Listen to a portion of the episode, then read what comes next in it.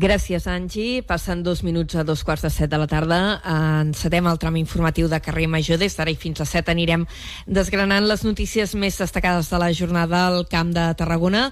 Us acompanyem durant aquesta mitja hora l'Àlvaro Rodríguez des de Ràdio Ciutat de Tarragona i jo mateixa, l'Anna Plaça, des d'Ona la Torre. Comencem.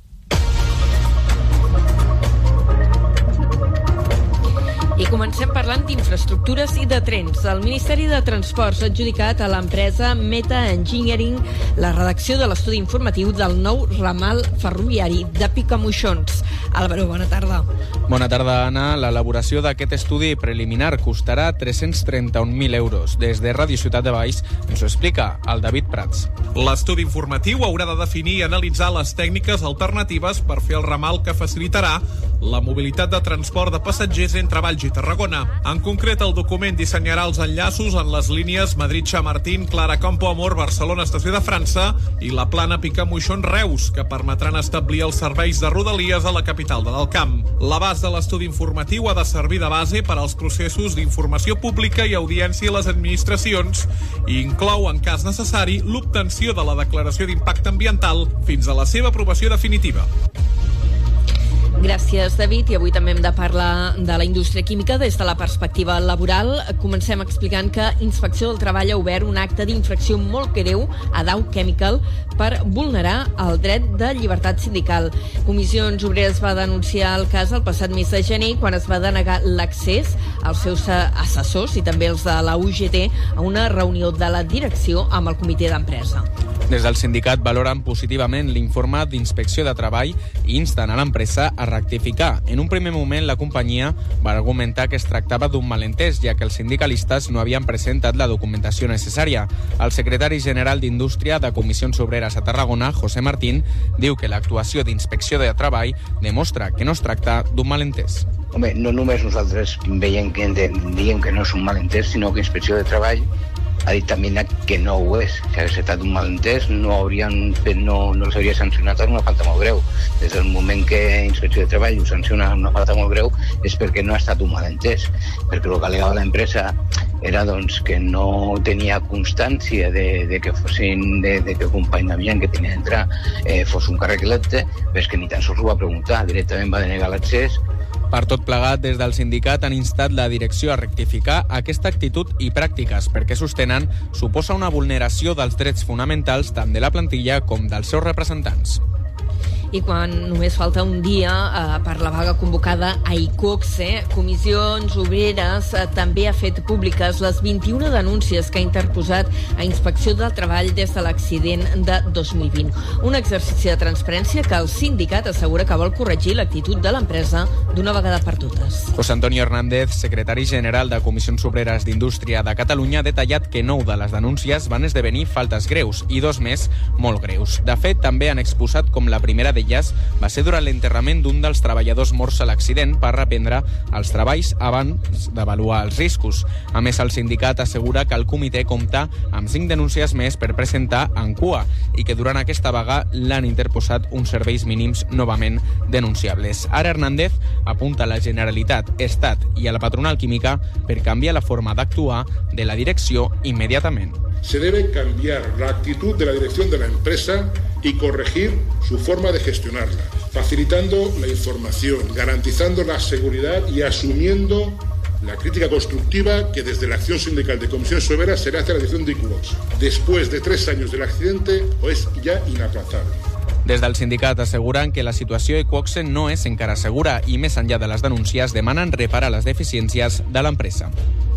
La primera jornada de vaga i coxe serà demà dimecres i també demà Protecció Civil farà un exercici per comprovar el funcionament del sistema d'avisos d'emergències dels telèfons mòbils. La prova es farà al Camp de Tarragona, les Terres de l'Ebre i el Penedès. La prèvia ens arriba des de BX Ràdio amb la Laura Navarro. El pròxim dimecres 12 d'abril es realitzarà una nova prova del sistema d'alertes mòbils al Camp de Tarragona. Es tracta de la primera prova d'alertes al Baix Camp, tot i que ja es va provar durant el simulacre del passat mes de novembre. Aquest és el segon exercici que es du a terme després del que va tenir lloc a Lleida, al Pirineu i a la Vall d'Aran el passat 28 de febrer.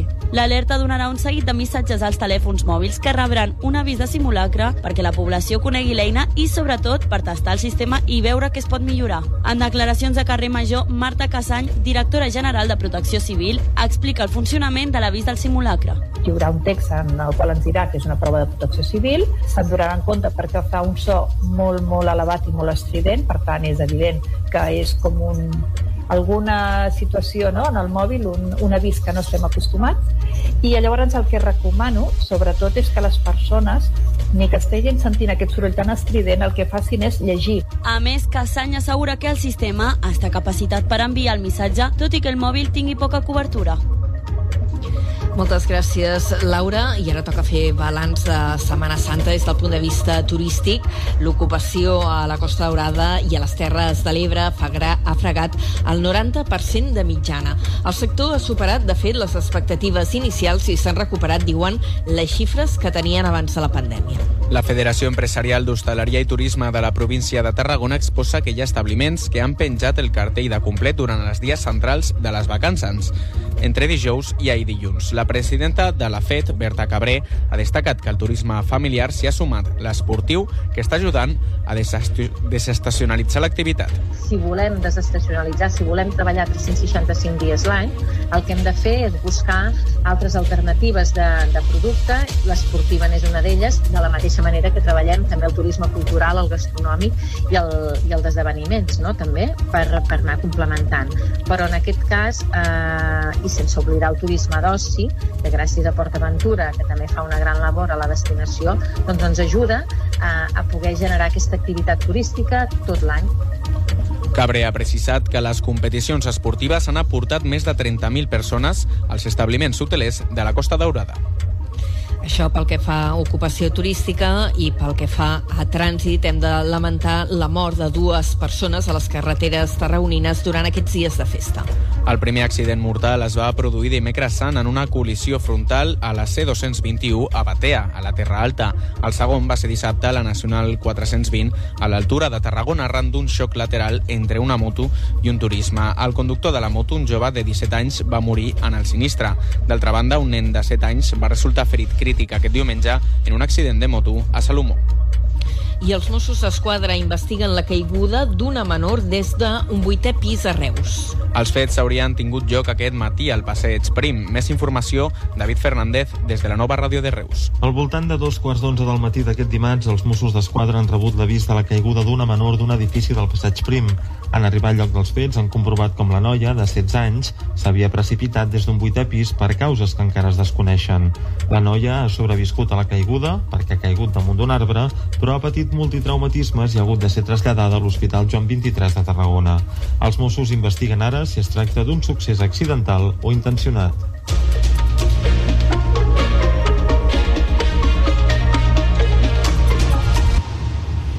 4 minuts i seran tres quarts de set de la tarda. Ens endinsem ara en la crònica local. Ho fem en primer lloc situats a Tarragona, on el Col·legi d'Arquitectes veu amb bons ulls l'avançament del nou Pla d'Ordenació Urbana Municipal. En una entrevista avui a Ràdio Ciutat de Tarragona, el seu president Jordi Romera ha exposat que el document recull els grans temes pendents de la ciutat. Entre aquests hi ha la cohesió dels barris i la vinculació de Tarragona amb el riu Francolí.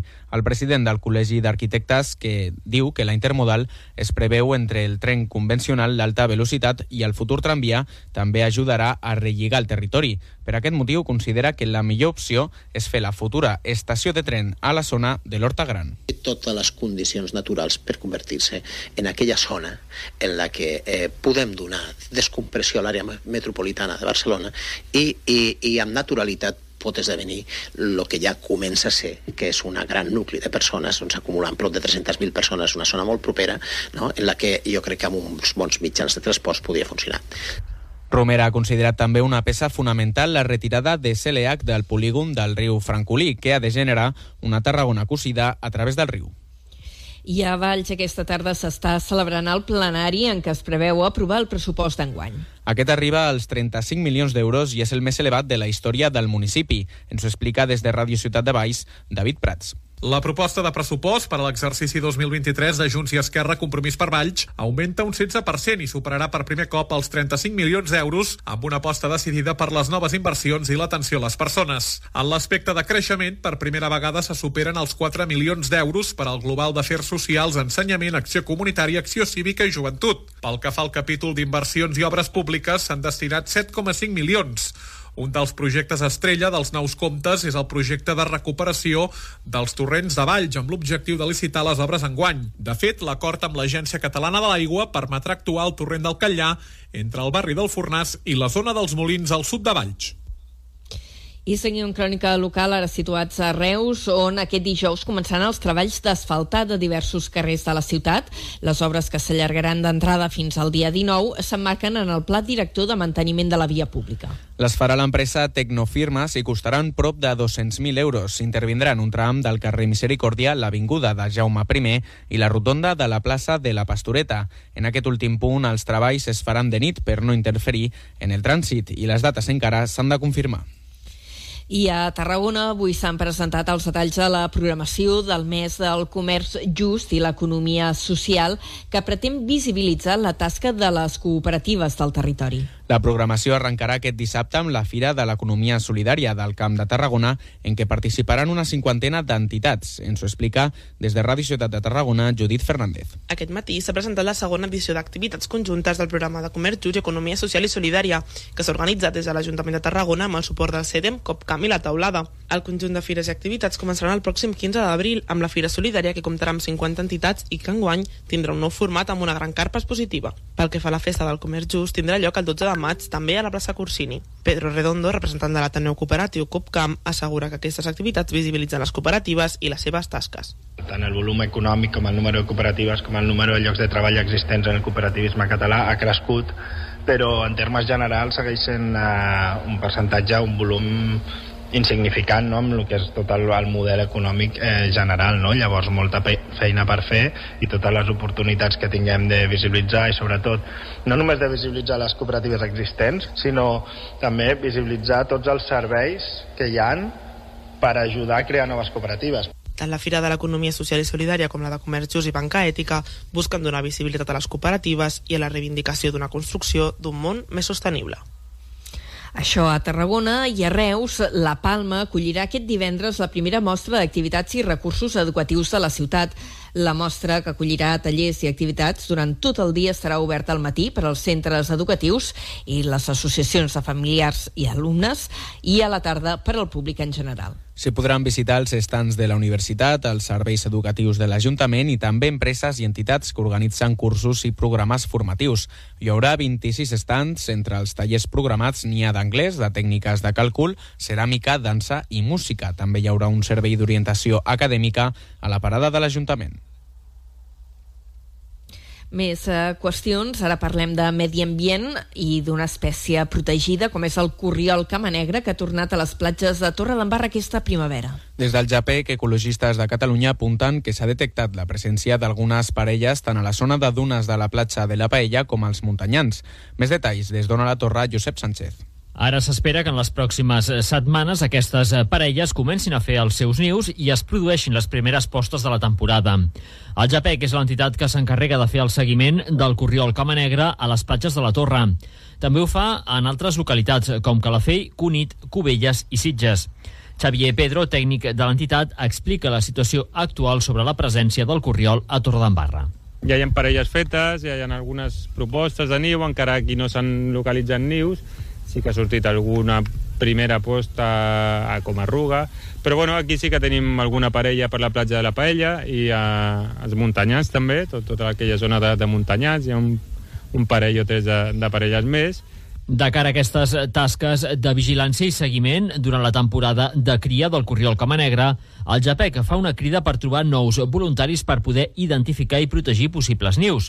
Qui ho desitgi es pot inscriure a través del web de l'entitat.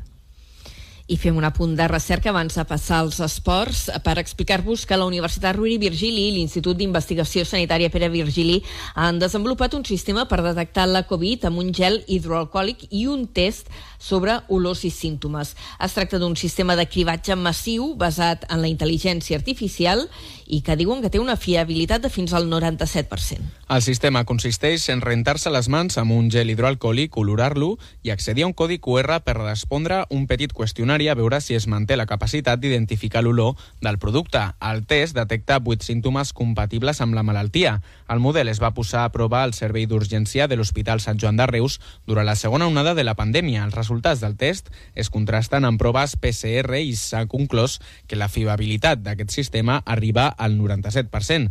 Els resultats s'han publicat a la revista Scientific Reports. A partir d'aquest prototip, l'Institut Sanitari Pere Virgili i la URB han desenvolupat una patent europea per estendre l'aplicació d'aquest sistema.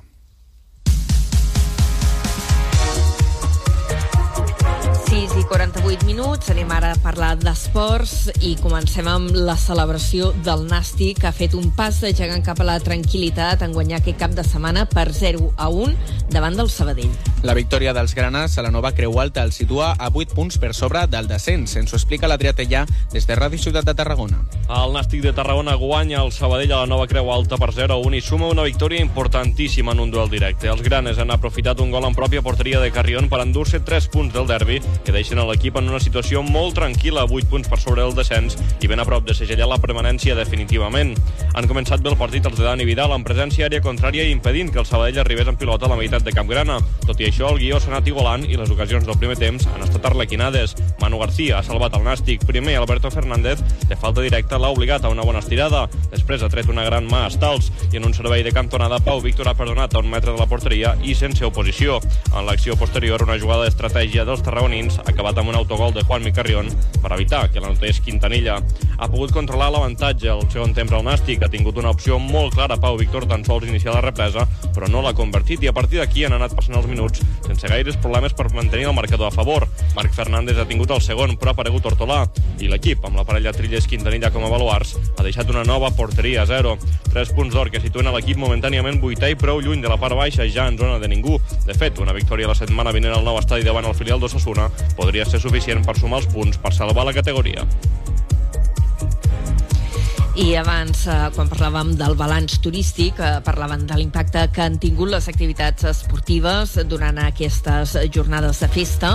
I una d'elles és la que s'ha fet, per exemple, a l'Hospitalet de l'Infant, que ha acollit aquesta Setmana Santa el torneig de futbol a la vi de la Learning Soccer Academy. Les proves s'han fet al camp de futbol de l'Arenal amb una setzena d'equips participants. Una crònica d'Iris Rodríguez des de Ràdio L'Hospitalet.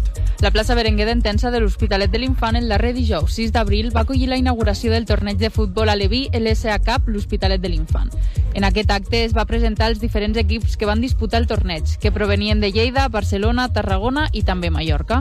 La competició es va disputar durant els dies del 6 al 9 d'abril al camp de futbol L'Arenal, on hi van participar una setzena d'equips i com a novetat va comptar amb la participació de dos equips femenins. Enric Barri és el director de l'SA. Penso que l'objectiu, com deia, d'aquest torneig és que participin i, i, i s'organitzen a partir de la competició sana, que és el que ha passat, i les nenes han, han realitzat una, una evolució de menys a més i segur que han après i els hi serveix això pel seu bagatge individual i també com a, com a equip.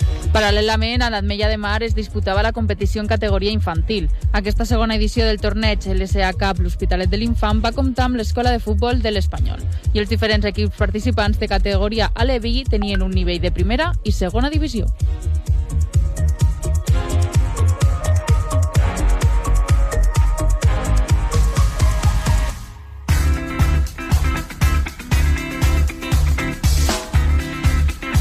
I amb aquesta sintonia ens endinsem amb l'últim tram de l'informatiu que el destinem a parlar de cultura. Tot just hem passat Setmana Santa, però ja comencem a ensumar Sant Jordi, que el tenim d'aquí pocs dies.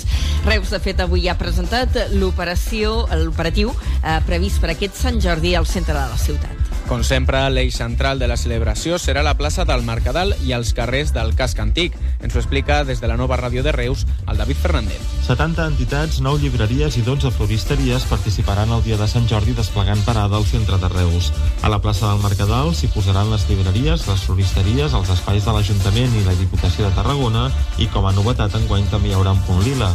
Per la seva banda, les parades de les entitats, de centres educatius o de partits polítics es distribuiran entre la plaça del Castell i els carrers al voltant de la Prioral de Sant Pere, però també cap a la plaça del Teatre i la plaça del Prim. Pel que fa a les activitats prèvies, començaran la setmana vinent sota la coordinació del Servei de Biblioteques Municipals. Hi haurà sessions per a escolars, clubs de lectura, amb escriptors de la ciutat que han editat llibre i la presentació de les novetats locals prevista pel 21 d'abril a la Biblioteca Xavier Amorós. Durant tot el dia de Sant Jordi, al Mercadal s'ha programat una marató de lectura de textos de Xavier Amorós i a partir de les 6 de la tarda, una ballada de sardanes amb la cova del pare Manyanet, una cercavira del drac, el drac petit i la víbria, l'actuació castellera dels xiquets de Reus i les enceses dels elements de foc. I avui també volem parlar de teatre. La Sala Trono de Tarragona farà una lectura dramatitzada de la seva nova producció a la Capona. Es tracta d'una acció inèdita que no s'havia fet mai fins ara. La nova producció de la Trono es titula Tornaria a viure com si fos un llangardaix i la lectura es farà aquest dijous 13 d'abril. L'obra l'ha escrita Glòria Granell i l'ha dirigida al reusenc Pau Ferran, que des de fa uns anys col·labora estretament amb la Sala Trono. L'estrena serà el 5 de maig i la peça està protagonitzada per Oriol Grau, Cristina Murillo i el jove Marc Pinyol. L'entrada a la lectura dramatitzada aquest dijous és gratuïta i ja es poden reservar les places. I anem ara a Altafulla, que acollirà dos concerts del Festival Accents la pròxima tardor. La vila se suma a les diferents seus d'un certamen que enguany celebra el desè aniversari proposant al territori un recorregut del panorama musical català actual. Des d'Altafulla Ràdio ens dona més detalls la Carol Cubota. Altafulla serà escenari de dos concerts del Festival Accents, el Festival de Pop Rock i Folk dels Països Catalans, que se celebrarà entre l'octubre i el novembre al Camp de Tarragona. Un dels escenaris escollits enguany serà la Violeta. D'aquesta manera s'amplien les seus del certamen amb la voluntat d'apropar la cultura al territori i crear sinergies entre els agents culturals de la demarcació. El director artístic del festival, Isaac Alvesa, ha explicat que encara no s'ha tancat el programa i es valoren altres espais altafollencs a banda del casal. I al Tafulla doncs, ens plantegem utilitzar la Violeta com un equipament doncs, potent per poder realitzar concerts de gran format, però també podem fer algun concert, de vegades treballem amb productors de vins també i fem tastos de vins lligats en concerts amb espais més petits. A Altafulla encara ho hem d'acabar de definir. L'accents va néixer fa 10 anys a Reus i de mica en mica s'ha anat estenent per diferents poblacions com Cambrils, la Selva del Camp, Riudoms, Botarell, Montroig i també el Morell. A partir d'aquest 2023 s'hi afegeix també Altafulla. I encara una altra proposta musical, aquesta adreçada als micropobles de Catalunya, també alguns del nostre territori. Estem parlant de la tercera edició del festival Itinera Parlem, que creix i enguany oferirà fins a 200 concerts. Entre els artistes convidats hi ha Joan Jamorro, Sílvia Comas, la Vic Mama Montse o la Carla Motis, com alguns dels exemples. El festival farà també parada en pobles petits del Tarragonès, el Baix Camp i el Priorat. Aquest abril, per exemple, hi ha concerts programats en pobles de Catalunya doncs, de poder gaudir doncs, d'espectacles com els que ens ofereixen, per exemple, el que és el Festival Itinera, no? que va néixer una mica en aquest sentit, d'apropar la cultura als micropobles del país, a través d'una música molt diferent, com pot ser el jazz, el blues, etc que no estaven acostumats a aquests micropobles o que s'havien de desplaçar tots aquests quilòmetres per gaudir d'aquests espectacles. El festival Itinera inclou concerts de jazz, blues, soul, gospel i músiques del món.